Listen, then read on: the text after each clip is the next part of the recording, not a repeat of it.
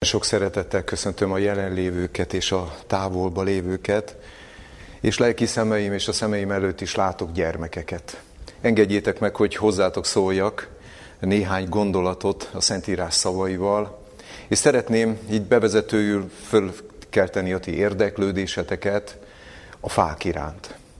Hiszen én is felnőtt fejjel kezdtem el megbarátkozni és megismerni egy picit is őket, a földünkön lévő fáknak szinte csak egy apró részletét, morzsáját ismerhetjük meg, hiszen olyan végtelen sok a fajtájuk.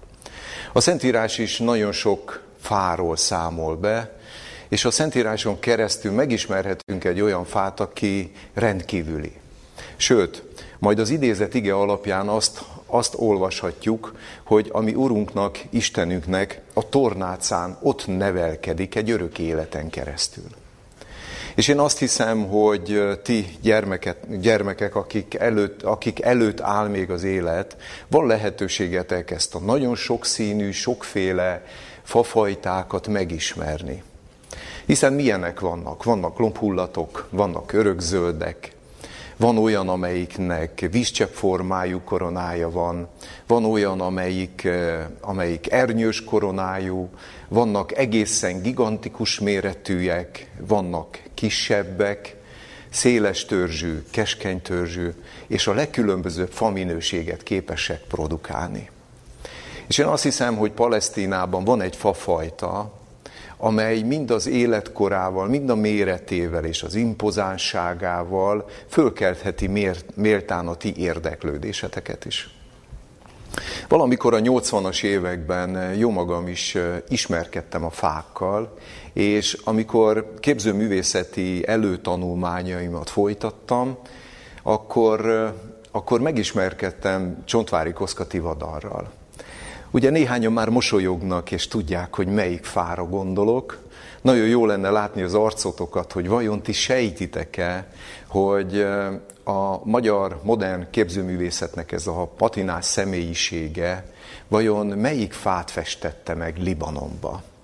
Kétszer is. Két olyan témája van, az egyik zarándoklás a cédrushoz Libanonban, a másik pedig a magányos cédrus. A Szentírás erről a fáról beszámol nekünk a Zsoltárokban, 92. Zsoltár 10, 13. és a 14. versében azt mondja nekünk. Azt mondja, az igaz virágzik, növekedik, mint a cédrus a Libanonon, plánták ők az Úrnak házában, ami Istenüknek tornácaiban virágzanak. Kedves gyerekek, nagyon érdekes lehet az a fa, amely egy egész megváltás történeten keresztül az Istennel közösséget ápol egy örök életen át. És nem csak erről a fáról van szó ebben, az, ebben a két versben, hanem azt mondja, hogy ugyanúgy, mint ez a fa, ugyanúgy az igazak is az örök életben együtt lesznek, közösséget alkotnak az ő tervezőjükkel, teremtőjükkel és fenntartó, megváltó Istenükkel. De milyen ez a fa? Milyennek ismerhetjük meg a cédrust? Mint ahogy Csontvárinak a, a képzőművészeti alkotásának a címe is elárulja, ezeknek a cédrusoknak Libanon, közel-kelet, ugye Palesztinától északra helyezkedik el a földköző tenger partján, egy 150 kilométeres hegyvonulat, amelynek közepette nőttek ki ezek a cédrusligetek. De miről lehet ezt a cédrust megismerni? Nagyon szomorú azt, hogy a, a, a, a cédrust a tulajdonságai miatt szinte kiírtották ezekről a területről, ezekről a területekről és hegyekről. Ma már csak néhány ligetet tartanak fent, nemzeti park körülményei között rendkívül védett állapotban, de találni olyan cédrust, amelynek a magassága eléri a 25-30 métert. Ez akkora, mint egy tízemeletes ház, csak hogy el tudjuk képzelni. Egy igazán impozás, gyönyörű szép fa. Illatozó fa. és egy olyan gyantát termel ez a fa, amely rendkívül vonzóvá teszi az ő felhasználását, különösen az ókori hajózásban anyagként hajókészítők használták, hiszen a gyanta biztosította azt, hogy ne alakuljanak ki eresztékek, és vízmentesen tudjon viharos időben is közlekedni a hajós ezzel. És ennek a fának van egy másik tulajdonság, azon kívül, hogy rendkívül impozáns. Hiszen mondtam az előbb a magasságát, és, és érdekes módon a most élő legszélesebb törzsű fának a kerülete 15 méter. Ha most jelen lennék, akkor lennétek, akkor én azt mondanám, hogy, hogy a, a végén kap valaki ajándékot, aki kiszámítja, hogy akkor ennek a fának mennyi a sugara. De ezt majd talán a nap vége felé vagy délután elvégzitek, és kiszámoljátok, hogy akkor milyen a méretű a sugara, vagy az átmérője annak a fának, aminek a kerülete 14 méter. De akkor is láthatjátok, érzékelhetitek, hogy mennyire impozáns növényről van szó, milyen nagyszerű növényről van szó, és amilyen nagyszerű, amilyen áldott tulajdonságokkal megáldotta a teremtő ezt a növényt, ugyanolyan felhasználási területei is voltak. Hiszen királyi palotákat, magát a Salamoni templomnak, templomnak az építéséhez használták, és ahogy mondtam korábban, hajóépítéshez. És a, a templomban való felhasználásának az egyik oka és indítéka az a jó illat volt. És talán ezt a gondolatmenetet így szeretném egy kicsit lezárni. Amikor az alapigénkből, a nektek nyújtott alapigéből azt olvashatjuk, hogy, hogy az igaz növekedik, mint a cédrus a Libánonon, akkor én csak kívánni tudom mindannyiótok számára, hogy ti is úgy tudjatok növekedni, mint ahogy a cédrus a földön, ti is olyan impozáns méretet tudjatok elérni, és körülményeket az életetekben, és jellemtulajdonságot, mint amilyenről megismerhettük a cédrust, és kívánom azt, hogy ti is ott legyetek plántákként az Úrnak a tornácán egy örök életen keresztül. Ehhez valójában nincs másra szükség, a csakot idézőjelbe, hogy igazak legyetek. Én kívánom minden, mindannyiótoknak, hogy szeressetek, vágyjatok igazzá válni, jóvá válni, hogy ezeket a cédrusi jel, cédrusihoz hasonló jellemtulajdonságokat tudjatok magatokra ölteni az Isten kegyelméből. Köszönöm a figyelmeteket, és egy áldott szép szombatot kívánok mindannyiótoknak. Drága testvéreim, egy nagyon ismerős története érkeztem hozzátok egy bibliai szakasszal, és ennek az alapigéje talán még ismerősebb. De úgy voltam vele, hogy nem is olyan rég tanulmányoztuk azt az előző negyedévi szombatiskolánk során, hogy az Isten lelke biztosítja a számunkra, hogy az Isten által kijelentett igazságokban megtaláljuk az ó üzenetek mellett az újat is. Én most erre teszek kísérletet. Erre teszek kísérletet akkor, amikor az ember életében bekövetkező változásokról fogunk közösen gondolkodni. Noámán, ennek a, a szíriai királynak, a, a hadvezérének az életén keresztül. Hiszen az elmúlt időszakban is, amikor részt vettetek mind az augusztusi konferenciánkon, illetve az azt megelőző munkamegbeszélésen, illetve akik eh, bepillanthattak a szeptember 20-ai küldött értekezletet helyettesítő konferenciánkban, mindenhol arról beszéltünk, hogy úgy, ahogy tettük eddig, nem minden tekintetben, de folytatni nem lehet. Szükség van a változásra. Ami jó, azt megtartsuk. Ami viszont változásra szorul, ott korrigáljunk. Ez a mai alkalom is megpróbál erre biztatást és bátorítást adni, hogy ne legyenek a mi megtérésünkben és a mi lelki életünkben olyan vargabetűk és olyan csomók, mint amit Naámán elkövetett az életében. Hiszen valljuk be őszintén, hogy, hogy az, a világon az egyetlen elfogadott általános valóság az a változás. Tehát kimondhatjuk ezt szinte sztereotípia jelleggel, hogy egy biztos van a világon, az, hogy változás van.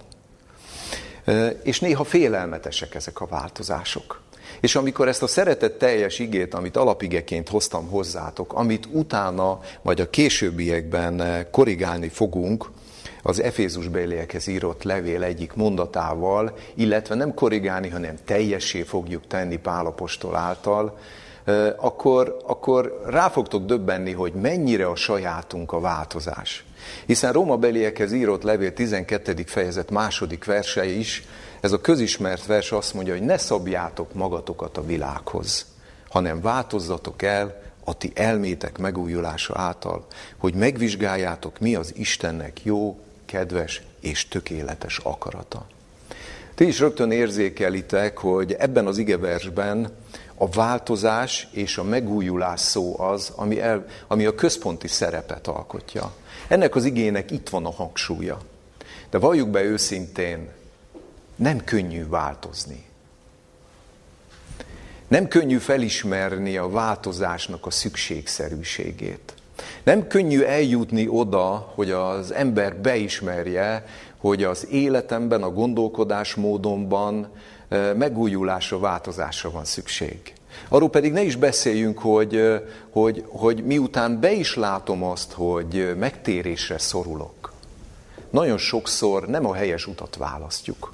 Látni fogjuk majd Naamán életében is, hogy mennyire rossz irányba indult el, amikor, amikor megkapta a lehetőséget és az ígéretet a, az izraelita kislány részéről, hogy menjen el Izraelbe, és az Istennek a profétája biztosan meggyógyítja majd őt a bélpoklosságából.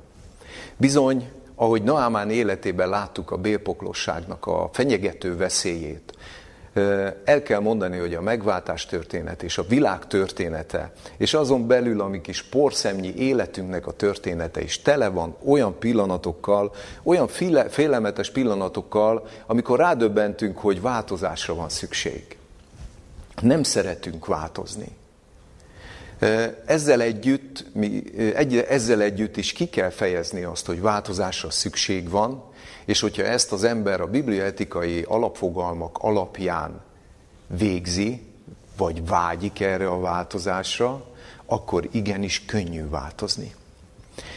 De nézzük meg, hogy mitől volt félelmetes a megváltás történet különböző pillanataiban a változás.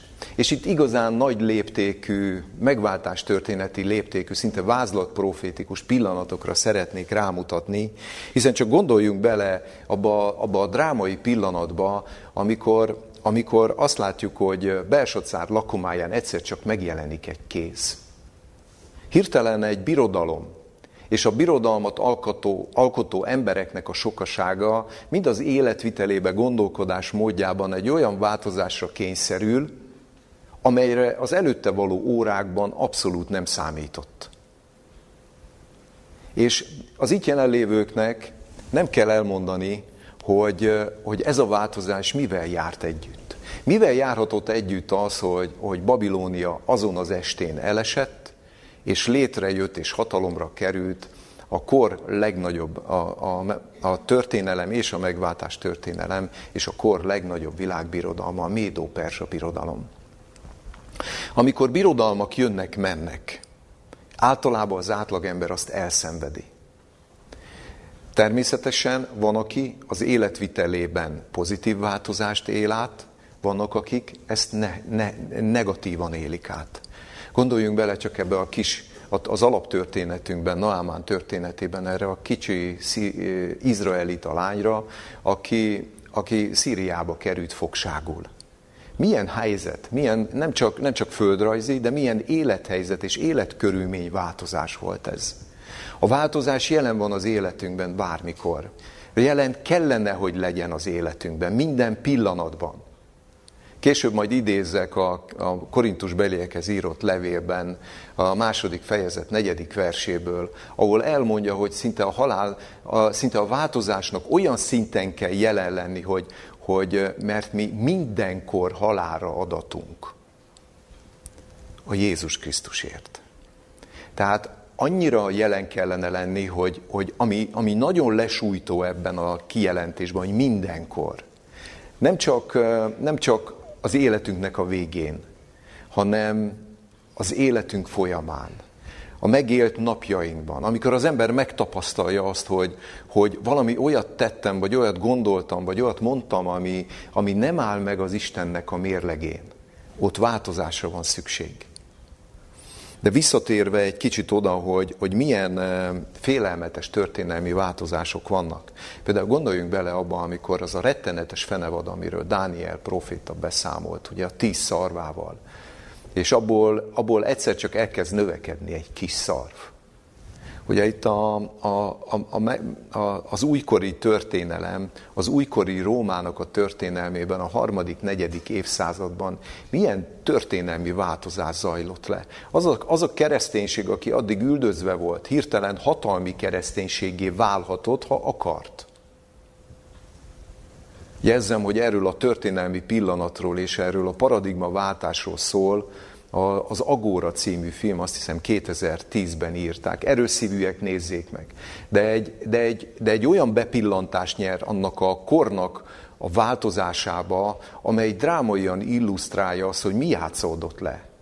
A pogány kultuszok, illetve a, a, a tudományra épülő értelmes emberi gondolkodást elutasító kerültek háttérbe a demagóg hatalmi kereszténységnek az érdekeivel szembe.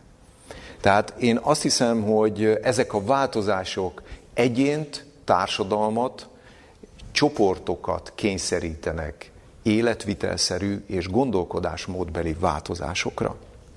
És ha már itt vagyunk a változásoknál, higgyük el, és látjuk is, érzékeljük a saját magunk bőrén, hasonló változáson megyünk keresztül. Egy multilaterális rendszerben élő világban ahol, ahol mindenki mindennel össze volt fonódva, és érdekszövetségek voltak. Hirtelen előtérbe kerültek az, a, a, az, azok, a, azok a csoportosulások, ahol a, az állami érdekek és a közösségeknek, a, a társadalomban élő közösségeknek az érdekei kerülnek előtérbe. Én nagyon félek olyankor, amikor, amikor, amikor az illiberalizmusnak a, nem is a neoliberalizmusnak a túlkapásai miatt, azt a liberalizmust, aminek köszönhetjük a, a szabad lelkiismeret és vallásszabadságot, megpróbálják negligálni. Én ezt nagyon veszélyesnek érzem. Természetesen ez nem jelenti azt, hogy együtt kell érteni a, a, a, a, a, a, a, neoliberalizmusnak a törekvéseivel. Ezt nagyon veszélyesnek érzem. És valójában Látjuk jól, hogy a világ nagyon sok tekintetben változik körülöttünk. De a jellemző az, hogy nem olyan irányba, ami elvárható lenne az isteni mérce alapján. Nagyon érdekes ez a kettőség, hogy valamiben változnunk kellene, és valamiben pedig eh, inkább ragaszkodnunk kellene az istenihez, a tökéleteshez és a változatlanhoz. Széchenyi István egy helyen a következőket mondja erről a kettőségről. Ha valaki azt mondhatja magáról, fele baráti szeretetemben, jó cselekedetemben, hazám iránti hűségemben, méltányosságra és igazságosságra irányuló törekvésemben nem változtatom soha, és soha nem is fogok megváltozni, akkor nem szólok semmit ugye milyen bölcsen azt mondja, nem szólok semmit. Mert ha valaki azt mondja, hogy nem változok soha ezekben a nemes értékrendekben, az, az ugye elég erős magabízásra utal, és általában ennek a vége az elesés. Tehát azt mondja, hogy akkor nem szólok semmit. És boldog, aki ezt önmagáról igazán elmondhatja. De így folytatja. De egyebekben, mint a politika, az orvostudomány, a gazdaságtan, stb. változatlansággal kérkedni, merő ostobaság. Tehát egy ilyen rendszerbe kell nekünk megtalálni azt, hogy milyen irányban, milyen célból változzunk, ahol minden változik. De mégis szükség van kiválasztani azt, amiben nem szeretnék változtatni. Mert sajnos el kell mondani, hogy a világunk az, a, a világunk az mutat változást, politikailag, gazdaságilag, ahogy Széchenyi is mondta, tudomány tekintetében nagyszerű változásokat mutatunk be. De sajnos ott is változik, ahol nem kellene. Ott is változik, ahol, ahol olyan ősi és nemes igazságokat kérdőjeleznek meg, és mondanak rá nemet, amelyek több ezer éve fennállnak. Ezekkel szemben nem szabad megengedni a változást. Ugye ezért van az az alapigényben, amikor azt mondja, hogy ne szabjátok magatokat a világhoz. Ne a világnak a rendje és a, és a változásának az iránya határozza meg azt, hogy mi milyen irányba változzunk, és a mi megújulásunk miben történjék meg. Hiszen a, a világ változatlanságára és a rossz irányba történő változására komoly bizonyítékok vannak a megváltás történetben. Hiszen emlékezzünk csak a Noé idejében, amikor a, az, az Istennek a, a legnagyszerűbb szolgája 120 éven keresztül hirdette a, az igét, hogy változásra van szükség, térjetek meg, újuljatok meg, akkor érzéketlenül csúfolódva hátat fordítottak ennek az üzenetnek. De abban a tekintetben nem változtak. Hogy is fejezi ki ott magát a Szentírás? Hogy a szívük gondolata szüntelenül csak gonosz volt. Döbbenetes az, hogy ebben a tekintetben a világ nem hajlandó változni. Továbbra is az önérdek, a profit érdeke, a pénznek a szerelme, a, az önzőség, a hatalom és, a, és az elithez való tartozás, és talán még lehetne sorolni, mennyi minden az, amihez ragaszkodik, és ezeknek az oltárán feláldozza az örök, örökérvényű értékeket.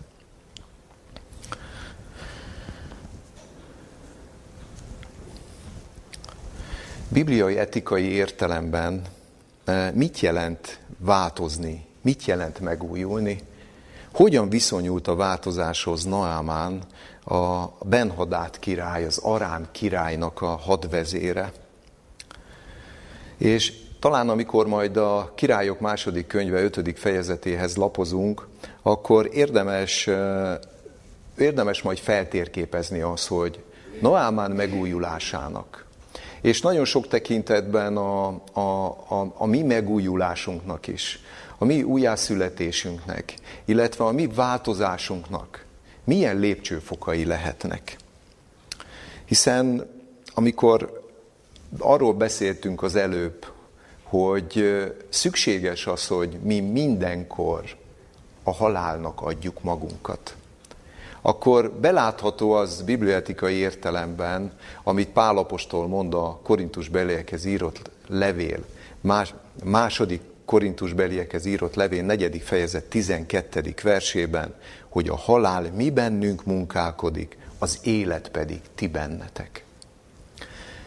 Drága testvéreim, én, én néhány, egy-másfél éve hordozom ezt az igét. Sok időm, és sokszor ki kellett nyitni a Szentírást, hogy ezt az igét megértsem. Hogy a halál mi bennünk munkálkodik. És a halálnak a bennünk való munkálkodása élet lehet másoknak. Ahhoz, hogy megértsem, az előtte lévő két igét is meg kellett értsem, de ezt majd a Naamán élettörténetének megfelelő fázisaiba fel fogom idézni. De van-e annál nagyobb változás, amikor egy élet elalszik, amikor kialszik a lámpás. Van-e ennél döbbenetesebb változás? És azt mondja, hogy egyfajta életemnek meg kell halni, ha kell, minden nap. Vagy minden órában. Van-e ennél megrázóbb változás? Ahogy eddig, úgy már nem. De ahhoz, hogy én élet illatát tudjam árasztani a körülöttem élő emberek számára, hogy az tényleg számukra élet legyen, ahhoz látniuk kell azt, amit mi is láthatunk Jézus Krisztusnak a szolgálatában, hogy az elvetett mag, ha el nem hal, nem hoz újabb termést. Micsoda változás ez, ha csak Jézusnak a, a szolgálatát szemléljük, az elvetett mag halála. És hogyha szemlélük Jézus életét, mi se élhetünk kevesebbet. Mi, mi életünkben is ugyanennek a változásnak jelent kell lenni. Meg kell halni a régi természetemnek. Ha nem látják a körülöttünk élő emberek, hogy a régi természetemben nincsen fejlődés és növekedés, ha nem látják azt a jó illatot, amit akár egy cédrus is tud árasztani, aki egy örök életen keresztül ott van az Úrnak a tornácán, akkor nem lesz mások számára élet.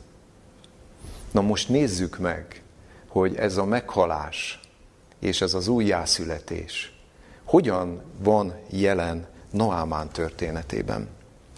Tehát most lapozzuk fel közösen Királyok második könyvét, és a Királyok második könyvében az ötöd, öt, ötödik fejezetet. És ott ez a történet az első és a tizenkilencedik vers közötti szakaszban van, és nem fogok minden verset felolvasni, csak gondolatokat fogok belőle kiemelni. De nézzük meg, hogy a változásnak, vagy a megújulásnak mi az első szakasza? Mi, a, mi az első fázisa? Igen, azt hiszem, Naamán tökéletesen felmérte azt, hogy a régi vagy a pillanatnyi helyzete micsoda. Mi az, ami, ami ebben a helyzetben őt változásra sarkalta? Mi az, amit, ami, ami bennünket is képes változásra sarkalni? Ugye itt az első versben azt olvashatjuk Naámán bemutatásánál, hogy ő Benhadád Arám szír királynak volt a hadvezére, és, és, és, és nagyszerű cselekedetet tett, hiszen, hiszen nagyra becsült volt, mert általa szabadított, szabadít, totta meg az Úr Szíriát, és ez a férfi vitéz, hős, de bélpoklós volt. Ha kihagynánk a bélpoklós kifejezést, akkor mit mondhatnánk Noámáról? A karrierjének a csúcsán van. Nem? Mindent, amit lehet, elérhetett.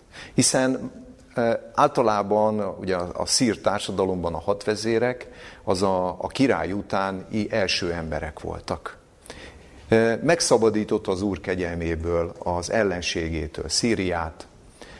Azt mondja, hogy vitéz volt, hős volt. Egy olyan ember volt, aki, akire tényleg ráilleszthető az, amelyet Ellen White is mond több helyen, hogy az igazi hősök nem azok, akik hatalmas indulattal hadseregeket győznek le. Az igazi hősök azok, akik képesek uralkodni az indulataikon. Majd látni fogjuk, hogy Naamánnak ez nem ment könnyen, de képes volt az indulatain uralkodni, ezért volt megszólítható az izraeli, izraeli kis szolgálólányon keresztül. De azt olvasjuk, hogy bélpoklós volt. Szinte minden borul, minden körülmény dől. Egy gyógyíthatatlan betegségben szenvedett. Minden, amit elért, egy rendkívül traumás körülményként megjelent az életébe, és nem tudott vele mit kezdeni. Azért el tudjuk képzelni, sőt, biztos vagyok, mindannyiunknak a, a környezetébe élt már olyan ember, aki gyógyíthatatlanul beteg volt. Mekkora trauma az? És, és egy ilyen helyzetben milyen jelentős változásra van szükség? Milyen mértékig újra kell gondolni az életünket? És itt az alapigénknek a második szakasza juthat eszünkbe, hogy megvizsgáljátok, mi az Istennek jó, kedves és tökéletes akarata. Amikor az ember átér egy ilyen, egy ilyen traumát, amikor megtapasztalja azt, hogy a kékek és a sebek távoztatják el a gonoszt és a velőkig ható csapások, akkor átértékelődik az értékrendje. Akkor, akkor képes szembefordulni mindazzal, ahogyan addig és amilyen pozícióban élt. A folytatásban érdemes megnézni, hogy az első reakciója az embernek, amikor, amikor találkozik a, a változásnak, a megújulásnak a szükségszerűségével az, hogy, az, hogy elkezd fékezni, ellenállni, megpróbálja a folyamatokat egy kicsit visszatartani, aminek a következtében, ennek az ellenállásnak a következtében egy káosz következik be az életébe. És a következő pillanatokban a Naamán életében is egészen eljutunk odáig, addig az elesésig, a veremnek a, a, a mélyéig, amikor elesik, és már nem marad semmi eszköze a gyógyulásra, csak az Istenbe való hit. Hiszen, hiszen azt olvashatjuk a második versben, hogy ez az izraeli kislány megmondta a gyógymódot. Van Szamáriában egy proféta, bizonyára az én uramat az meg fogja gyógyítani. És döbbenetes volt számomra újra végigolvasni ezt a történetet, hogy vajon Noámán ezt tette. Jön az erőlködés, majd én meggyógyítom magam, majd én megjobb, teszem az én jellememet. Azt a hibámat majd le fogom győzni, oda fogok figyelni, és nem fogom tenni. Bocsánat, csak egy példát mondok. Nagyon sokszor elindulok otthonról úgy, hogy épp hogy csak túllépem a sebességet. És mondom, most, ma betartom. Feleségem a megmondhatója, igen, ez 30 kilométerig tart. És utána jönnek a régi szokások. Mondom, és milyen szokások jöttek elő Noámán életébe? Mi volt az ő eljárásrendje? Érdemes megnézni, hogy milyen folyamaton ment keresztül Noámán. Hiszen hiszen egyik oldalon jött egy egyértelmű isteni üzenet. Rendkívüli körülmények között egy hadjárat során a feleségéhez kerül egy szolgálólány, aki megmondja a gyógymódot. Menj el Szamáriai, Szamáriába a profétához, és meggyógyít téged. Egy hadvezér, az ország egyik kiemelt társadalmi szereplője. Valószínűleg a vagyoni körülményei is ilyenek voltak. Elkezd önálló útat járni. Hova megy? Elmegy a szíriai királyhoz. Papírt kér, hogy elmehessen. Sőt, a szíriai király, ugye mekkora kegyben lehetett ez a Naamán, megajándékozza tíz öltözet ruhával, ahogy írja az ötödik versünk, és tíz talentum ezüssel és hatezer aranyjal. Hogy mindezt vigye el hova? A szamáriai profétához. Nem. Az izraeli királyhoz. Mit tesz az ember? Mit tett Noámán? És mit teszünk mi, amikor megújulásra lenne szükségünk? Nem a megújuláshoz, nem a megtéréshez, nem a változáshoz vezető utat választjuk. Saját utunkat. Egészen addig, amíg el nem jutunk a veremnek az aljáig, ahonnan elhangozhat az, hogy, hogy hogy ami, ahonnan már nincs más segítség, csak az Istenhez való kiáltás. Tehát azt láthatjuk, hogy elment az izraeli királyhoz. És, és amikor az izraeli királynak a reakcióját olvassuk, ez is annyira tipikus. Tehát, hogy mennyire igazolja az, hogy az ő eljárása helytelen volt. Nem a célnak megfelelő, nem az isteni kegyelem által felkínált gyógymódnak megfelelő lépéseket kezdte el megtenni. Elkezdett a változás ellen egy, egy saját maga által generált káoszba sodródni. És ezt nagyon sokszor mi is így tesszük. Amikor saját erőből tudjuk, hogy merre kell változni, de saját erőből megpróbáljuk ezt a változást véghez vinni. Drága testvéreim, én azt vettem észre a magam gyengeségén, hogy ha az imádkozások és a fohászok hosszabbak és sűrűbbek, a, a sebesség betartásának a távolsága is nő. Nem rajtam múlik. Az Isten kegyelméből képes az ember, csak a tőle nyert hatalom által van lehetőség ezeket a szabályokat és törvényszerűségeket betartani. Azt látjuk, hogy Naámán nem az Isten által rendelt szabályok szerint próbált az ő betegségére a változás útján elindulni. És amikor ezt a bizonyos levelet, ezt az ajánló levelet a, elolvasta az Izrael királya, nagyon érdekes volt a reakciója. Azt mondja, megszaggatta az ő ruháit, mondta, Isten vagyok én, hogy őjek és elevenítsek. Hogy ez én hozzám küld, hogy gyógyítsa meg e férfiút az ő bérpoklosságából. Vegyétek eszetekbe és lássátok, hogy csak okot keres ellenem. Milyen furcsa. Amikor, amikor elindulunk sokszor a változás útján, mint Naámán, sokszor csak benye, belebonyolodunk, és rosszabb helyzetbe kerülünk. Hiszen rögtön majdnem egy nemzetközi konfliktust idézett elő, azzal, hogy nem egyenesen Elizeushoz ment, hanem elment az Izrael királyához, aki rögtön azt hitte, hogy valami rossz szándéka van a szíriai királynak, és csak provokálja, és, és okot keres arra, hogy háborús célpontként megtámadja az északi országrészt. Döbbenetes, hogy, hogy az ember saját maga által választott úttal mennyi kárt tud okozni a saját maga gyógyulása érdekében. De az Istennek mindig van további lehetősége. És azt láthatjuk, hogy ebben, a, ebben az anániási kontraproduktív megoldásban, amikor anániás ő maga is beleesik és elbukik, és azt látja, hogy a királytól ő nem fog gyógyulást kapni, akkor az Istennek ott van még a válasza, amikor, amikor Anániáshoz jut a hír, nem, Elizeushoz jut a hír, hogy a király megtépte az ő ruháit, és valami konfliktus alakult ki.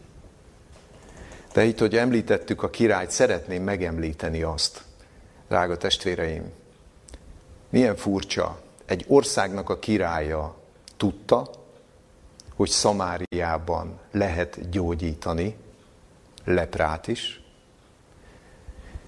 Tehát az izraeli király nem tudta, egy kicsi lány, aki fogságba volt Szíriában, ő pedig tudta. Erre arra, arra, arra szeretnék ezzel rávilágítani, hogy soha se kerüljünk az Isten üzenetétől olyan távolra, hogy ne tudjuk azt a jó illatot árasztani, amely mások, a körülöttünk élő emberek számára a megtérésnek az életet adó üzenete lehet. A király nem ilyen üzenetet adott. Amikor olvastam ezt a, ezt a részét ennek a szakasznak, a királynak a magaviseletéről, illetve azoknak a, akár napjainkban is élő az Isten szolgáinak a magaviseletéről jut eszembe, amikor, amikor, amikor tényleg nem tudnak segíteni, vagy nem is tudják, hogy hogyan lehetne segíteni.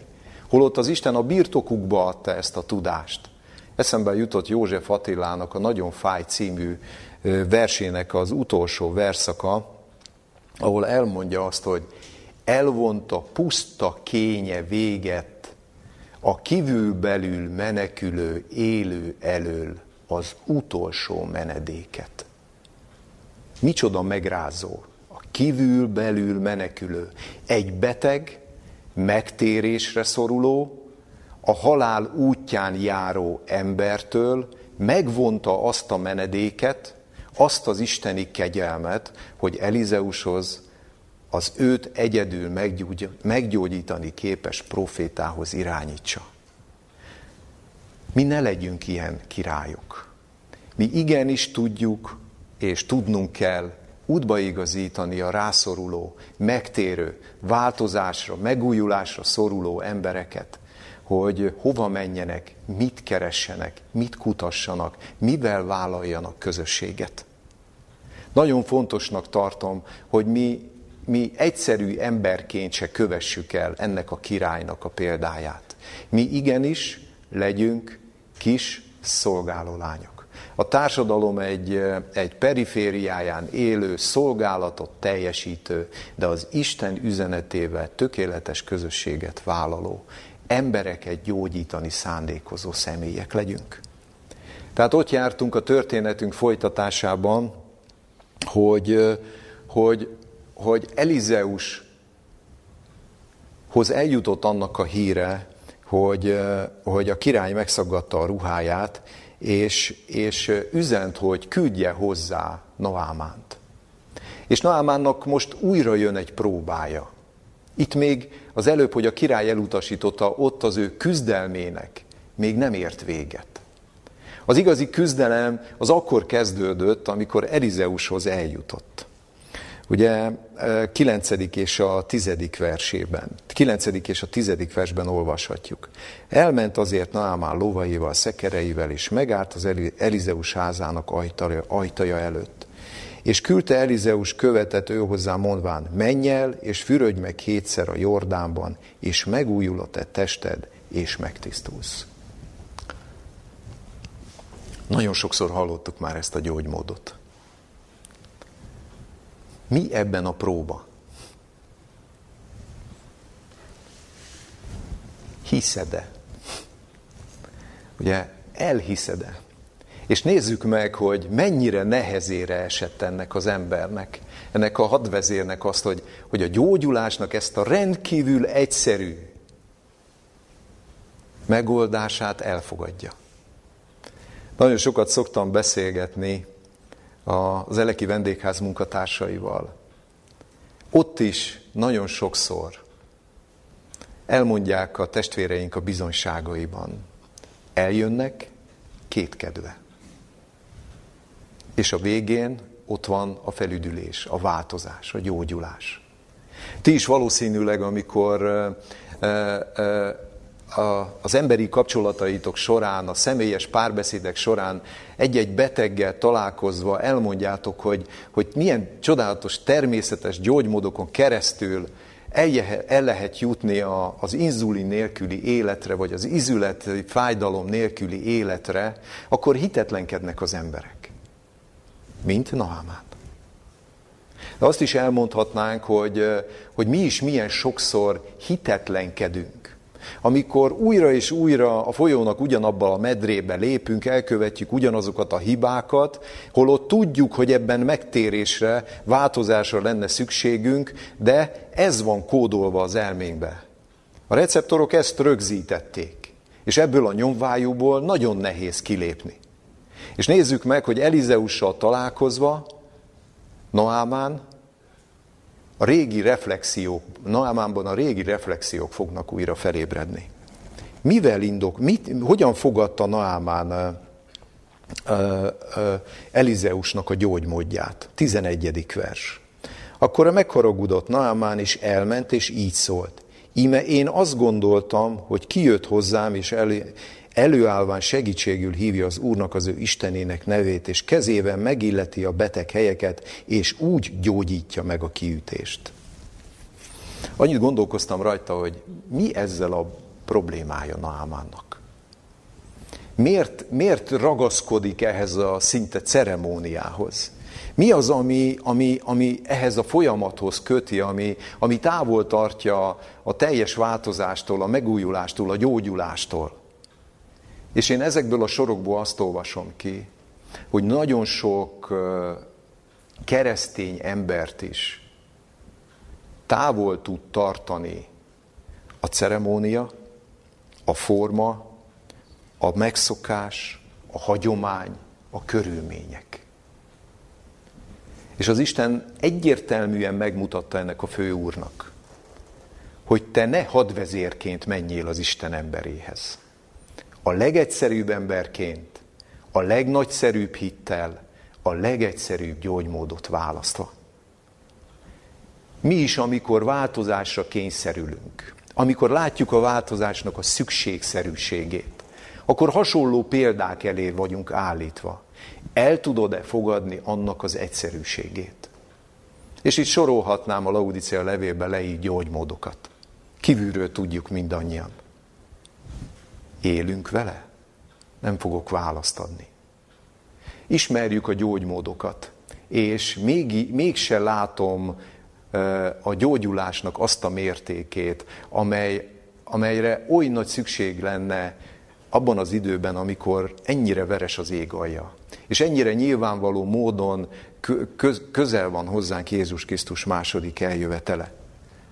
De hatalmas csodákat él meg az ember és Noámán is a küzdelmének a folytatásában. Hiszen Noámánnak a kezéből ebben a pillanatban, amikor hiányolva a ceremóniát, nem fogadja örömmel, sőt, haragosan megtagadja ezt a gyógymódot, és hátat fordít, a verem fenekére esett. Elesett. Nincs már más megoldás. Beteg maradok örökre, meghalok. És milyen nagyon fontos, amit a következő versekben biztatásként a szolgálóitól kapott. Egy a társadalom perifériájára betegként, elesetként, és azt kell mondani számkivetetként, leprásként, számkivetetként élő Noámán, akinek pillanatnyilag még megvan a státusza, de a jövőben ezekkel a körülményekkel számíthat. Kik mentek a segítségére? Az egyszerű szolgálók. És csak annyit mondtak neki, hogy atyám, ha valami nagy dolgot mondott volna néked a próféta neked itt a 13. versben, avagy nem tetted volna-e meg, mennyivel inkább, amikor csak azt mondja, hogy fürödj meg, és megtisztulsz.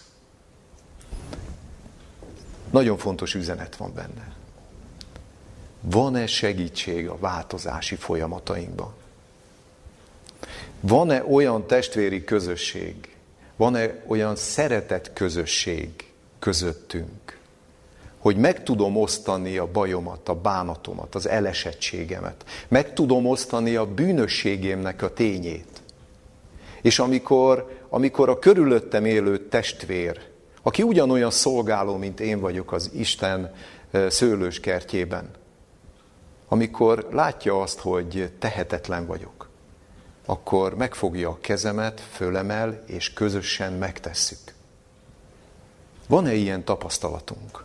Mert Naamán ezt élte át. Naamán az egyszerű szolgáló emberek biztatásával megtalálta a változáshoz vezető utat. Egyedül nem sikerült neki. Egyedül megpróbálta. Láttuk. Csőd, elesés, verem feneke. Veremnek a mélye lett a vége. De amikor megtapasztalta egészen mélyre esve az, hogy kilátástalan állapotba került, akkor ott voltak a szolgálók.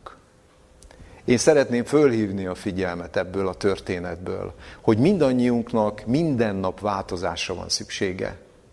De ez a változás saját erőből arra van ítélve, amit Naamánnál láttunk. De hogyha körbevesznek bennünket olyan emberek, mint a kis szolgálólány, vagy olyan, olyan szolgálók, akik, akik arra biztatnak, hogy, hogy, hogy az Úr szava, az Úr profétájának a szavát ne vedd félváról. Ha ő azt mondta, bizonyosan úgy van. Ha ennél nagyobb dolgokat mondott volna, biztosan megtetted volna. A gyógyulás, a változás az Istennél ilyen egyszerű. És sokszor pont az egyszerűsége miatt nem járunk rajta.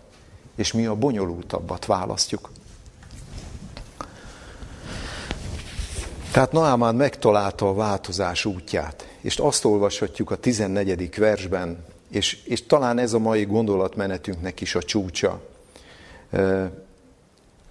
hogy, hogy bement azért a Jordánba, és bemerítette magát abba hétszer, és az, az Isten emberének beszéde szerint, és megújult az ő teste, mint egy kisgyermek teste, és megtisztult a szolgálók segítségével megtette, amit a próféta mondott, és megújult az ő teste. Drága testvéreim, amikor azt mondtuk, hogy változzatok el a ti elmétek megújulása által, akkor azt láthattuk, hogy Naámán történetében, hogy ő megpróbált változni az ő elméje által. De ezt teszi talán még érthetőbbé a változásnak a nagyságát vagy a mélységét az Efézus béliekhez írott eh, levél 4. fejezet 23. verse, ahol kiegészíti ezt a gondolatot.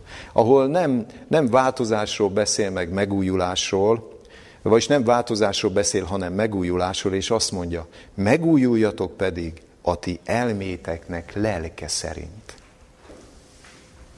Nem mindegy, hogy a mi elménket mi vezet. Nem mindegy, hogy a megismert, megszerzett ismeretek alapján próbálunk azokból a nehézségekből kivezető utat találni, amelyben sokszor saját magunkat vezettük, mint ahogy Noámán is. De amikor tényleg a, a, az, az elmének a lelke, az Isten lelke által vezetett elme képes döntést hozni, akkor azonosulni tudunk a legegyszerűbb Istentől érkező megoldásokkal is, hogy mi meg tudjunk változni. És nagyon furcsa ez, hiszen a, az elmének a lelke nélkül mi nem is tudjuk igazán megvizsgálni, mi az Istennek jó és kedves és tökéletes akarata. Csak akkor tudjuk megvizsgálni, ami az Isten akaratát, hogyha mi nem csak a saját gondolkodás módunk alapján változunk el. Ezt tette Noámán is. De igazából mi akkor tudunk a változás útján a változás végeredményéhez eljutni, hogyha mi a, a gondolkodásmódunknak és az elménknek a lelke alapján keressük az Isten szándékát. Mi igazolja azt, hogy az elméjének a lelke alapján hozott döntés következtében igazán megújult, megtért és megváltozott Noámán. Mi igazolja?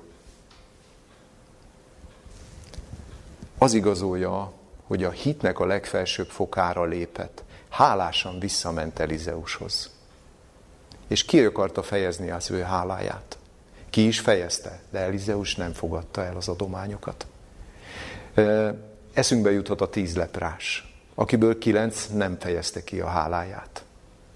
A hála az a, az a legnemesebb és a legszentebb e, tulajdonsága tud lenni egy megtért és változás útját végigjáró ember számára. Ne felejtsük el soha azokat az áldásokat megköszönni, amelyeket az életünk során elnyertünk Jézus Krisztus halála következtében. És itt most a záráshoz közeledve szeretnék nektek ezt a bizonyos korintus beliekhez írott második korintusi levél negyedik fejezetében leírt két vershez kapcsolódni, ahol, ahol a hitáltani megigazulásnak egy csodálatos megnyilvánulását látjuk, amely szigorúan kapcsolódik Naámának az életéhez. Hiszen, hiszen azt látjuk, hogy a tizedik versben, hogy mindenkor testünkben hordozzuk az Úr Jézus halálát, hogy a Jézus élete is látható legyen a mi testünkben. Azt látjuk, hogy a Jézus élete láthatóvá vált Noámán testében. Nagyon fontos, hogy ebben a versben a szóma szó szerepel. Fizikai testről van szó. Meggyógyult. Ép lett.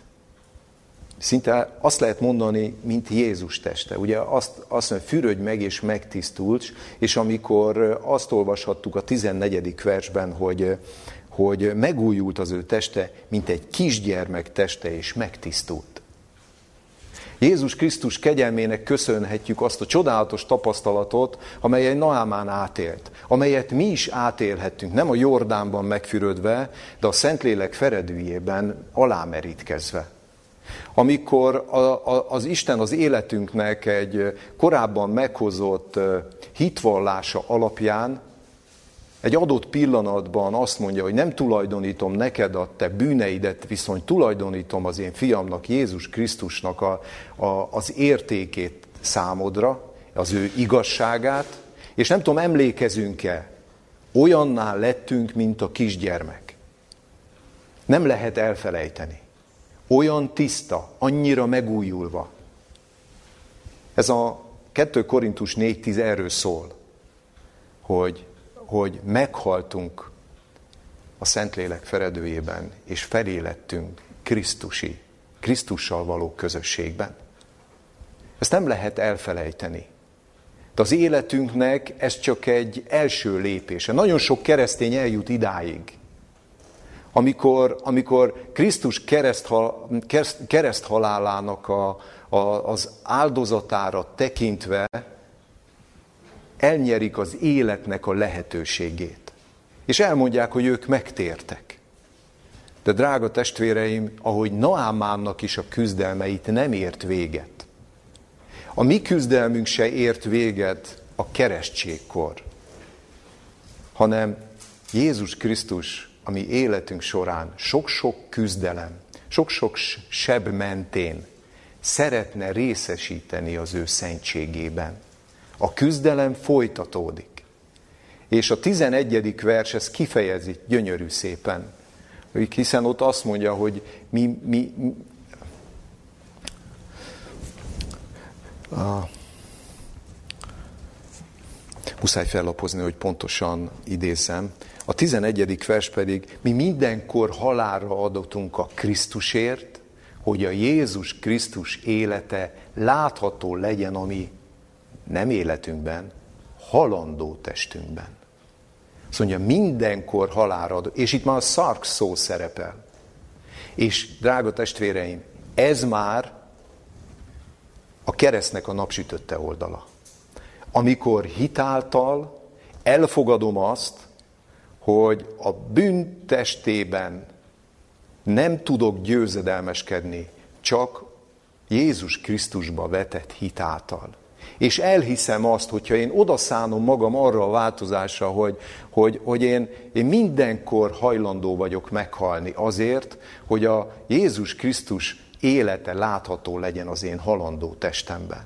Én minden nap meg tudok halni azért, hogy, hogy, hogy a, az Istennek, a fiának a jellem tulajdonságai kitükröződjenek vissza az én életembe. Ezért hangsúlyozza Pálapostól azt, hogy azért a halál mi bennünk munkálkodik, és az élet pedig ti bennetek. Mert hogyha nem tanulunk meg a kereszt napsütötte oldalán, Krisztus kegyelméből, a megszentelődés útján, újra és újra megújulva, megváltozva, jó illatot árasztani, mint a cédrus, akkor az emberek nem fognak tudni, eh, az embereknek, az emberek számára nem lesz egyértelmű bizonyság, ami Isten képviseletünk. Úgyhogy én csak kívánni szeretném a számotokra, hogy, hogy, hogy amikor változásra szorulunk, mert az elmondottak alapján igen, megújulásra, megtérésre szorulunk. Szinte minden nap. Akkor ne válasszuk azokat a varga betűket, amelyeket, ezeket a nagy kerülő utak, amelyek olyan sok traumával jártak Naámán életébe is. Amikor az Isten kijelenti azt egy szolgálóján keresztül, hogy menj Szamáriába, és az ott lévő proféta meggyógyít téged, akkor mi ne kezdjünk saját eszközöket keresni. Nekünk megvan az az egyedüli megújulásunkhoz szükséges hatalom és erő Jézus Krisztus feltámadásában. Hogyha mi meghalunk a tagjainkba bűntörvényének, akkor ő hű és igaz, hogy feltámaszt, és tökéletesen az Úr színe elé állít bennünket. Ezt kívánom mindannyiatok számára. Amen. Teremtő és fenntartó mennyei atyánk, hálát szívvel állunk meg a te színed előtt, megköszönve Istenünk azokat a mérhetetlen bölcsességeket, amelyeket elénk társz a te kinyilatkoztatásodban. Köszönjük Istenünk, hogy azok a történetek, amelyek amelyeket fel tudunk lapozni a Szentírásban, mind azt bizonyítják, hogy lehetetlen elveszni, de könnyű megtérni. Segíts ennek a változás útján nem a korábban a Biblia hithőseinél tapasztalható hibákat elkövetve, de minél rövidebb úton és minél sűrűbben megtapasztalni, hogy milyen is az, amikor veled közösen járjuk ezt a, az életünknek ezt a küzdelmes útján, útját, és amikor te, te veled járva, te fiaddal közösen járva, te átváltoztatsz, megváltoztatsz és megújítasz bennünket. Tudjuk Istenünk, hogy néha ez, ez jelentős traumával jár, néha fájdalommal jár. Fájdalommal jár lemondani a szokásainkról, a beidegződéseinkről, de ne sajnáljuk a mi korábbi életünket. Hiszen nagyon sokszor a változás, változásnak az az öröme, hogy ami mögöttünk van, arra már nem emlékezünk. Segíts abba Istenünk, hogy ezeken a küzdelmeken a Te szent lelkedtől nyert hatalommal és erővel tudjunk átmenni. Köszönjük, hogy ebben Te támogatsz bennünket. És segíts Istenünk, abban, hogy megemlékezzünk ne csak ebben az imában, de a következő napokban és hetekben, imáinkban minden betegünkről, hiszen egyre több az a testvérünk, és egyre többen vannak azok, akik rászorulnak a te gyógyító hatalmadra. Kérjük, fejezdes ki az ő számukra, és gyógyíts meg őket, és segíts nekünk képviselni beteg ágyak mentén, és a beteg testvéreink környezetében is a Te szent nevedet. Mindezeket, drága jó Istenünk, Krisztusunkért, az ő keresztjére tekintve kértük. Amen. Amen.